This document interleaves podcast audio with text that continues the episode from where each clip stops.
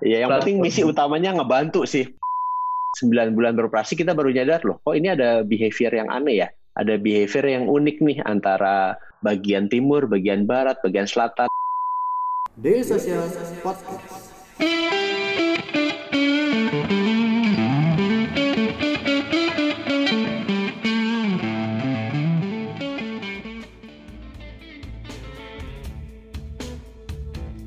strategi apakah ke depannya akan ada kerjasama baru nih dengan penyedia delivery service mungkin untuk mengakselerasi dari layanan pengantaran bahan makanan ini sendiri?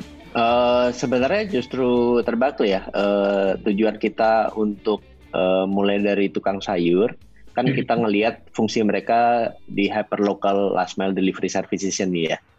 Justru uh, plan kita kalau nggak ada pandemi ini sebenarnya justru kita mau kasih uh, other source of income kepada mitra-mitra sayurnya kita.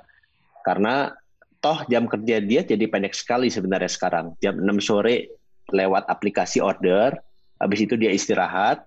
Nah, mm-hmm. jam operasi jualan sayur kan tetap dari jam 6 pagi sampai jam 10. Jadi dia kerja cuma 4 jam sebenarnya. Nah, di atas jam 10 itu kan mereka vakan. Mereka udah nggak jualan sayur lagi.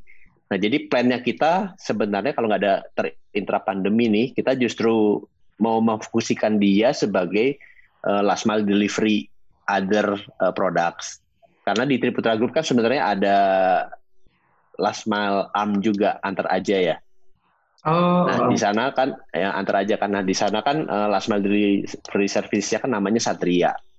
Jadi plannya kita kalau kita networknya coverage-nya udah jadi Jabodetabeknya lumayan, mereka berfungsi sebagai hyperlocal logistik, uh, pagi mereka jualan sayur, siang menjadi mereka menjadi satrianya antar aja. Nah di situ kan kita bisa give more value lah ya kepada mitra-mitra sayurnya kita. Gitu plannya kita Mas Ilham.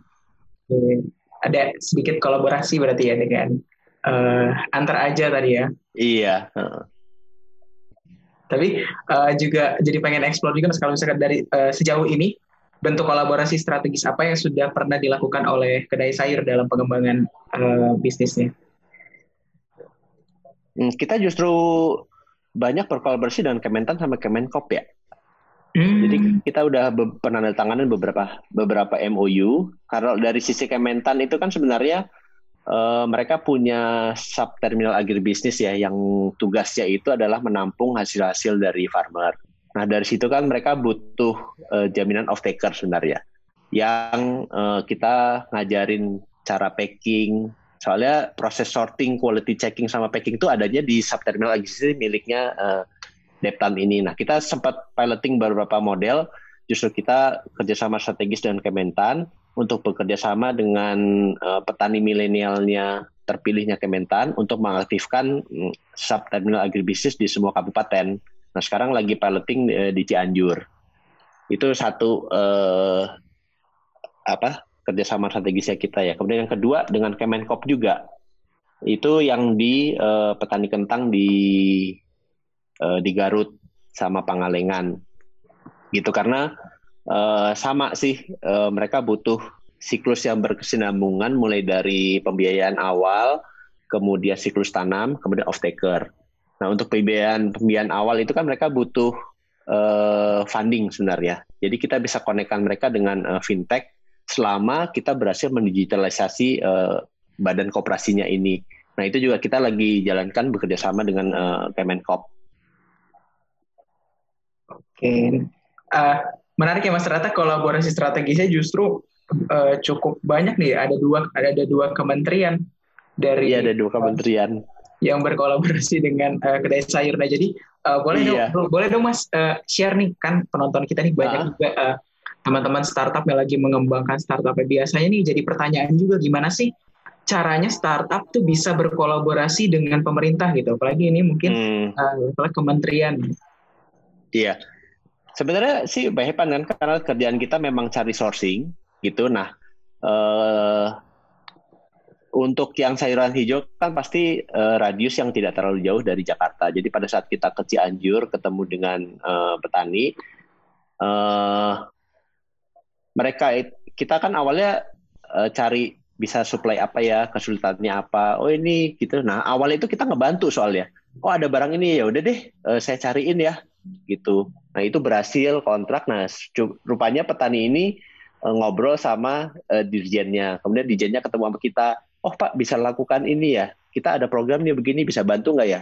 Kita butuh uh, dari sisi private uh, company itu ngebantu kita dari sisi off taker, digitalisasi, ngasih standar QC gitu oh ya bisa dong kalau gitu. Nah, mulai nih kemudian satu piloting project dengan uh, uh, dengan hadisnya di sana, kemudian didengar oleh dirjennya, divisit, akhirnya uh, kita dipanggil ke Kementan. Koperasi juga sama waktu itu. Uh, teman saya sih kontak, eh kedai sayur kan uh, udah sama farmer ya, kita ada ada petani, eh ada koperasi unggulan kita nih lagi kesulitan karena over supply. Nah, Kedesir bisa bantu nggak? Oh bisa dong. Jadi awalnya sih kita langsung direct dengan petaninya, tapi kemudian itu dilihat oleh Kemenkop, eh ternyata bisa ya uh, kolaborasi antara off taker sekaligus ngebantu di digitalisasi, ngasih standar uh, knowledge ke petaninya, kemudian itu menjadi eh coba deh kita uh, bikin piloting ya, siapa tahu bisa di uh, roll out model ini ke yang lain. Gitu ceritanya sih, Mas Ilham. Oke, Nah mungkin bisa jadi inspirasi juga nih untuk teman-teman startup yang juga lagi nyari iya. peluang-peluang untuk mengkolaborasi. Iya, yang penting misi utamanya ngebantu sih. Dua-duanya itu kan awalnya uh, apa ya bisnis bisnis purpose-nya tuh lebih kecil daripada greater purpose-nya. Dan itu pasti itulah word fruitful ya. Oke, jadi emang uh, harus ditemukan ya Mas ya uh, masing-masing value bagaimana cara saling membantu kedua uh, kedua belah pihak ini. Iya. Selama government, petani sama pihak swasta bisa kolaborasi sih harusnya petani kita sejahtera semua ya.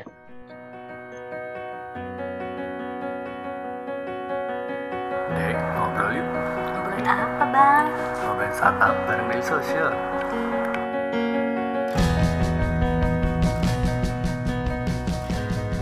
Daily Social Podcast.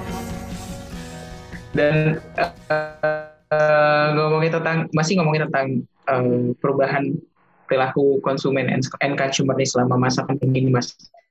Hmm. Kan uh, tadi juga kan kedai sayur udah mulai pivot untuk ke B2C dan juga mengeluarkan uh, produk untuk mengantar uh, makanan dan aju dan juga produk dari tukang sayur lewat kedai sayur ini sendiri. Tapi uh, aku mau nanya dong mas, gimana cara kedai sayur itu mengedukasi end consumer ini sendiri untuk, oh sekarang kedai sayur udah punya produk ini loh. Karena mungkin sebelumnya hmm. mungkin belum aware terkait uh, produk kedai sayur atau platform kedai sayur ini sendiri bisa digunakan untuk membantu mereka mendapatkan bahan makanan dari rumah. Hmm. Uh, yang pertama kalau yang direct B2C sih kita nggak terlalu uh, fokus uh, bisnisnya kita ya yang mm. yang kita pivoting agak uh, lumayan itu di luar uh, apa uh, dasar kita yang B2 small sama B2B itu kan yang di kedai mak. Nah itu memang uh, yang kita cari itu kan kantung-kantung uh, di mana teman-teman kita yang kehilangan pekerjaan ya.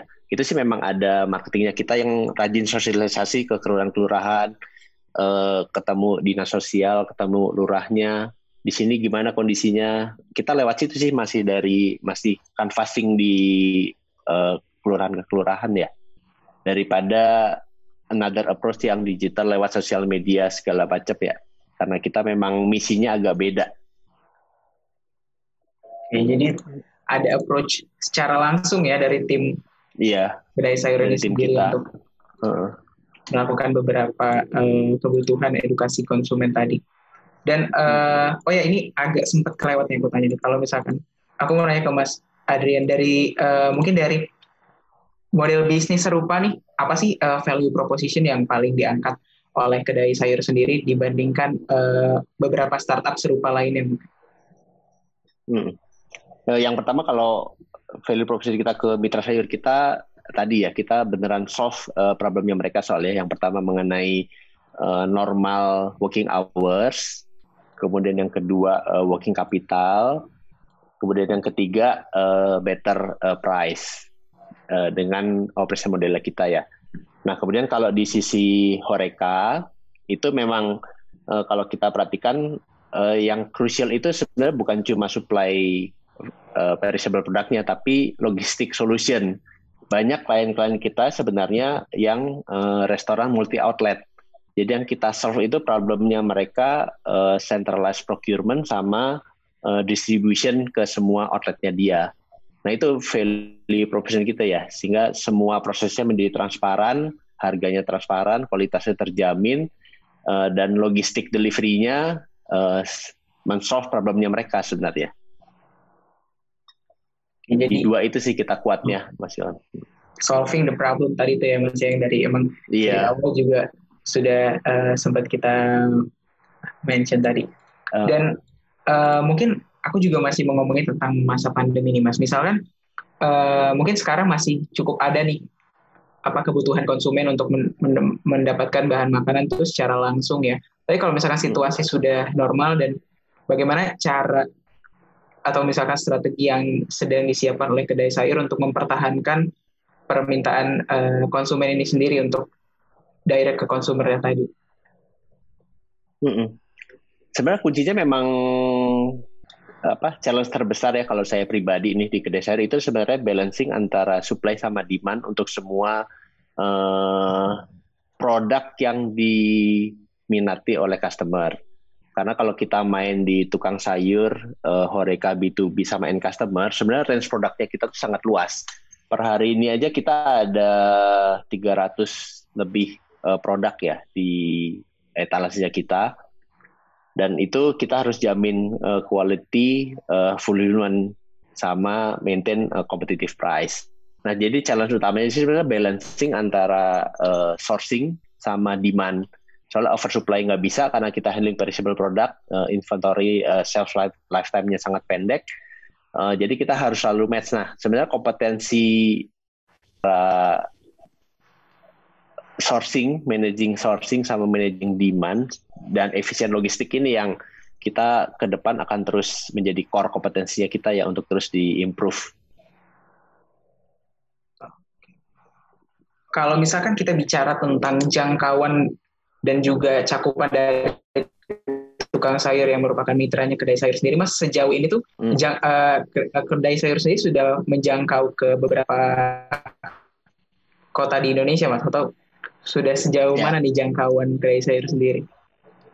Iya, nah ini menarik juga di Jakarta kita tutup satu DC, asalnya dua kan, kita jadi satu aja.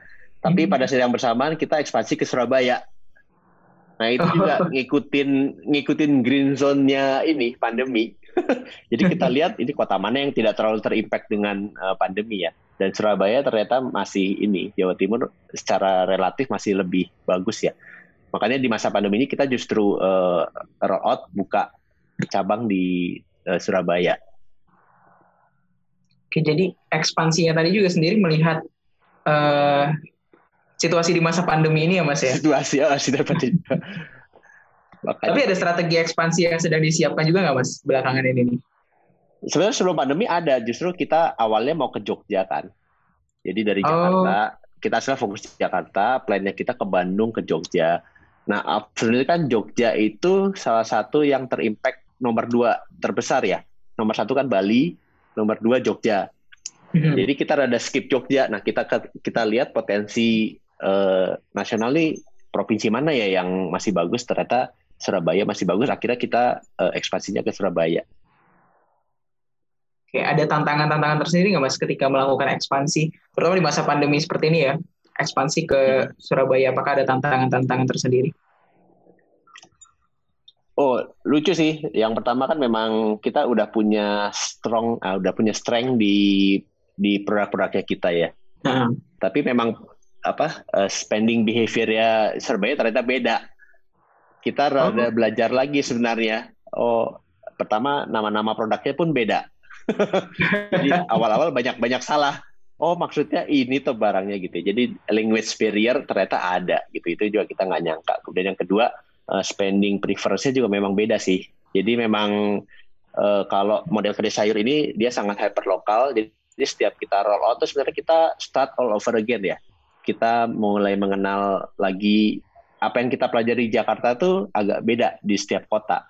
mulai dari uh, apa itu Pareto produknya, kemudian uh, language-nya, kemudian sourcing-nya kita harus start dari nol lagi sih.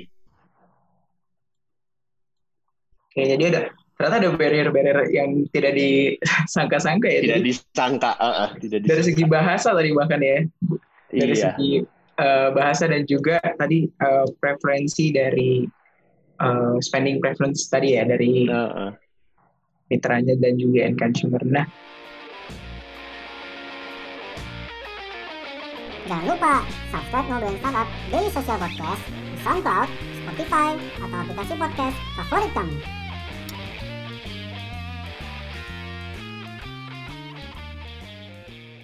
Kalau misal misalkan uh, kita tadi juga udah beberapa kali mention terkait hyperlokal nih Mas ya. Mas Adrian boleh share nggak Mas apa sih yang menarik dari sisi uh, hyperlokal ini sendiri mungkin bisa di-share ke teman-teman yang juga lagi menyiapkan ide bisnis yang atau misalkan melihat peluang dari uh, bisnis yang juga cukup memiliki keterkaitan besar dengan hal-hal uh, terkait hyperlokal ini. Oke, jadi uh, rupanya kan kalau di kalau di perishable product nih ya, di sayur mayur buah-buahan, hmm. hyperlokal itu sangat hyperlokal sebenarnya. Jadi antara satu kelurahan dengan kelurahan lain itu uh, sebenarnya uh, Pareto produknya berbeda. Kemudian harganya pun berbeda. Nah itu tuh uh, itu kalau kita bisa bisa apa ya bisa melihat opportunity itu, itu justru peluangnya menjadi besar sekali. Karena sebenarnya uh, disparitas informasi antara Jakarta Barat dengan Jakarta Timur dengan Jakarta Selatan itu besar sekali. Jadi kuncinya kan kita bagaimana uh, capture informasi sangat detail dari uh, ujung-ujung tombaknya kita. Harga cabai rawit merah di Bekasi itu berapa dan mereka itu prefernya cabai rawit merah uh, bibitnya apa ya? Itu tuh bisa berbeda dengan Jawa Timur, dengan Jakarta Timur ya. Nah, jadi uh, kita memang hyperlokal kita sampai di situ. Jadi uh, engine kita di back end-nya itu memang dibuat untuk capture data secepat mungkin dari uh, micro pools. Kemudian uh, engine-nya kita selalu uh, kasih feedback ke bagian sourcing, ke bagian pricing untuk selalu optimize uh, operation-nya kita. Ya, jadi uh, menarik uh. terkait hyperlokal ini bahkan uh, lokasi atau daerah yang berdekatan pun mungkin memiliki perbedaan-perbedaan uh, tersendiri ya mas. Perbedaan-perbedaan ya. Kan di ya, jadi, Jakarta sendiri uh, kalau kita compare dengan apa dengan konvensional uh, market ya kan ada 48 pasar sebenarnya. Nah di setiap pasar itu uh, harganya berbeda sama requirement product quality itu berbeda. Hmm. Jadi kalau kita apply apply satu standar quality ke semua region, itu kita bisa gain di certain area tapi loss di certain area gitu. Nah jadi uh, awalnya tuh kita juga nggak sadar itu, baru setelah 9 bulan beroperasi kita baru nyadar loh, kok ini ada behavior yang aneh ya, ada behavior yang unik nih antara uh, bagian timur, bagian barat, bagian selatan. Nah itu kita baru develop uh, internal knowledge nih untuk kita selalu mengoptimize uh, marketnya kita. Itu sih uh, kunci dari lokal ya kalau dalam konteks gede sayur. Oke, nih menarik banget nih. Aku juga baru uh, baru uh, belajar banyak malam ini nih tentang lokal tadi ya. Ternyata iya. uh, sel uh, selain di satu sisi masing-masing daerah yang berdekatan pun ternyata punya perbedaan-perbedaan tersendiri dan kalau misalkan kita mencoba mengeneralisasi uh, strategi ataupun produk akan ada certain area yang berhasil dan juga uh, gagal dalam penerapannya. Begitu ya Mas Adrian uh, iya. Oke. Okay. dan uh, oh terkait tadi kan kita udah aku menyinggung sedikit terkait ekspansi dan uh, kalau misalkan dari segi produk sendiri nih Mas kira-kira ada rencana hmm. ada rencana inovasi baru nggak nih? Atau hal-hal uh, baru yang disiapkan oleh kedai sayur mengingat tadi rencana uh, Q1 tahun depan ternyata sudah dimajuin nih ke tahun sebelumnya. Iya. Uh, memang kita uh, begitu kita udah punya apa itu ya hyperlocal delivery network itu kan sebenarnya kita jadi bisa mendistribusikan barang apa aja di uh, networknya kita ya. Jadi memang awalnya kita fokus di sayur mayur, mm-hmm. kemudian uh, buah-buahan, kemudian protein tuh ada telur, ayam, uh, ikan gitu. Nah kemudian kita memang mau nggak mau masuk ke dry goods gitu ya karena uh, banyak customer demand juga nanggung soalnya kalau beli sayur doang di kedai sayur eh minta ini dong minta itu jadi gitu jadi uh, dari sisi lini produk pun kita ekspansi terus uh, kita selalu mencari partner-partner strategis ya untuk uh, matching selalu antara customer demand dengan uh, sourcingnya kita dan uh, ada ada tips nggak nih mas dari Adri, uh, Mas Adrian sendiri hmm. terkait tadi mencari partner uh, yang strategis nih terkait tadi kan men, uh, untuk memenuhi permintaan konsumen dan juga kebutuhan. Ada tips nggak sih mas untuk bagaimana mencari uh, partner kolaborasi yang tepat gitu? Partner kolaborasi yang cepat. Hmm, ya yang pertama uh, network memang penting ya uh, dan kita ada di Triputra Group memang sangat membantu sih. Jadi uh, relasi kita ke bisnis partner itu memang luas. Jadi itu buat yang apa? Buat yang semua yang nanti bergerak bidang network itu nomor satu sih. Mm-hmm. Dan sekali jangan sampai uh, nama itu uh, ini ya kita harus mempertahankan uh, standar kualitasnya kita, mempertahankan governance-nya kita gitu. Soalnya nama baik itu selalu dibawa ke mana aja ya. Jadi kalau itu udah udah berhasil kita pegang sih sebenarnya bicara dengan uh, semua selama itu win-win hampir nggak ada masalah sih Mas Ilham ya. Tapi itu kuncinya uh, jaga selalu uh, nama baik, governance, kemudian standarnya kita ya profesional itu sih uh, semua bersedia berkolaborasi kok. Oke, okay. hmm. uh, sebelum ke pertanyaan terakhirku nih ada pertanyaan mas dari hmm. uh, dari teman kita di YouTube nih dari Viko Pratama. Oke. Okay. Hmm uh, katanya keren keren juga kedai sayur wah ini ada pujian nih dari terima kasih uh, Mas Diko Pratama dan uh, mau nanya untuk uh, Mas Adrian kira-kira prediksi perkembangan bisnis untuk kedai sayur sendiri selama dua tahun ke depan uh, bagaimana Mas? Hmm.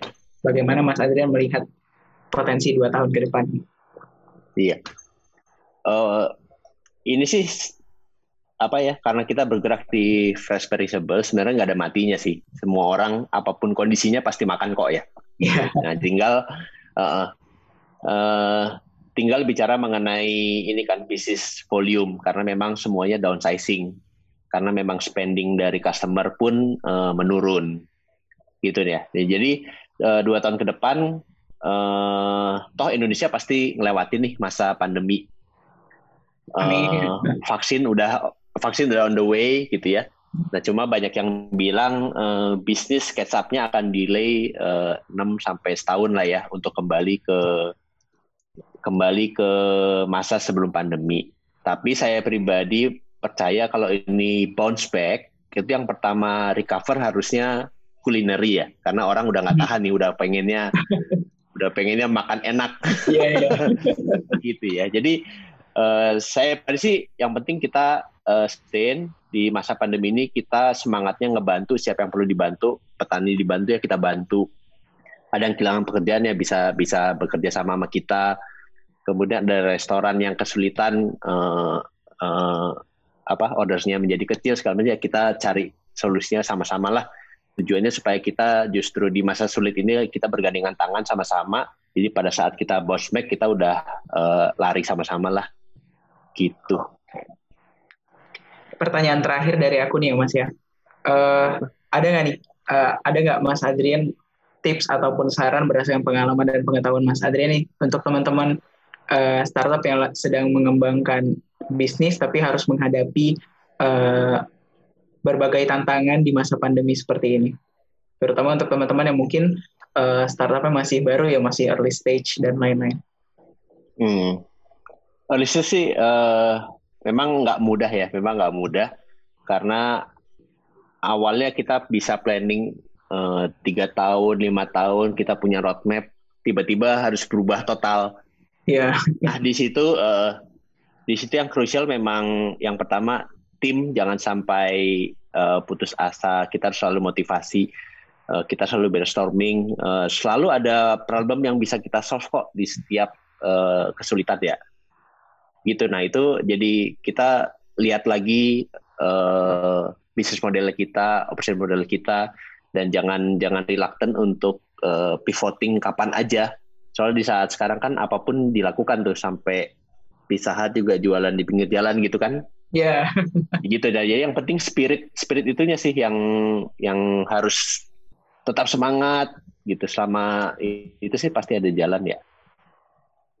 Oke, kalau aku boleh ngutip uh, saran dari Mas Adrian tadi untuk menjaga spirit ya, baik itu iya. tim juga jangan uh, reluctant untuk melakukan pivoting bila memang diperlukan untuk menjaga keutuhan bisnis dari um, startup yang sedang dibangun. Startup. Uh. Oke, kalau gitu itu menjadi uh, pertanyaan terakhir Mas Adrian dari aku malam hari ini. Mm -hmm. Terima kasih banyak uh, Mas Adrian atas waktunya dan juga tadi udah belajar banyak nih kita tentang agritek dan juga perubahan kons uh, perubahan perilaku konsumen ya. dan juga uh, hyperlokal tadi kalau aku uh, belajar banget nih malam hari ini. Iya. Oke, terima kasih uh, Mas Adrian, terima kasih teman-teman semua. Terima kasih juga dan... Mas Ilham. Sama-sama Mas Adrian, terima kasih untuk teman-teman yang sudah menonton. Dan kalau begitu, terima kasih sekali lagi Mas Adrian. Saya Ilham Sanjaya sebagai moderator pamit undur diri. Sampai jumpa di Selasa Startup.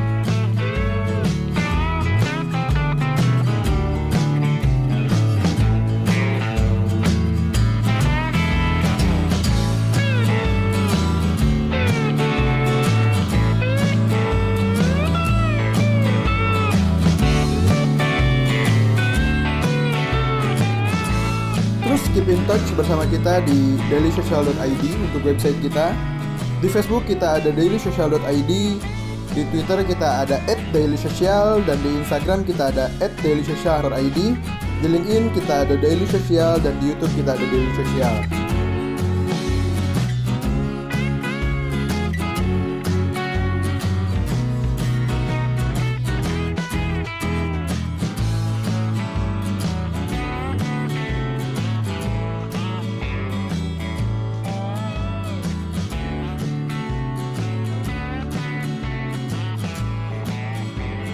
Daily Social Podcast.